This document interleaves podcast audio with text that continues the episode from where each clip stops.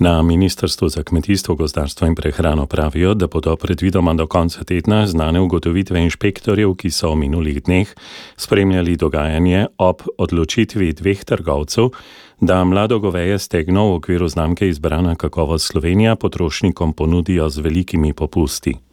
Trgovski sistem Tuš je to meso v okviru akcije ponujal za pol cene. Na Zvezi slovenske podeželske mladine trdijo, da take akcije kažejo, da se slovenska hrana ne ceni. Anja Magr. Dejstvo, da se izdelki, ki nosijo znak izbrana kakovost Slovenije, prodajajo v okviru tako obsežnih akcij, je za nas popolnoma nespremljivo in nerazumljivo. Saj takšna cena nikakor ni vzdržna za primeren odkup od kmeta. In vprašati se je potrebno, če gre pri teh akcijah za res za poreklo slovenskega mesa.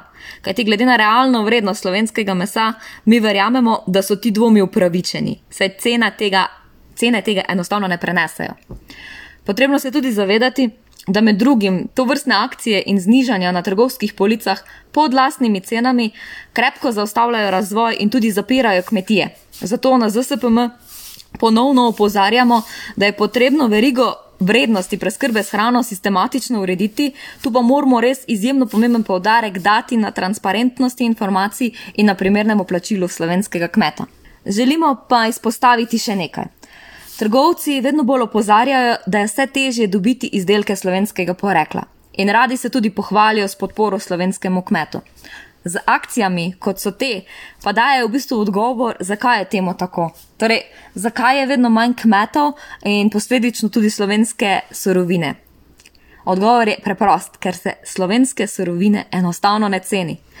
Ker če bi se jo, bi trgovci že sami vedeli, da so to vrstna visoka znižanja na slovenski sorovini nespremljiva in ne bi bilo potrebno, da jih na to neprestano opozarjamo.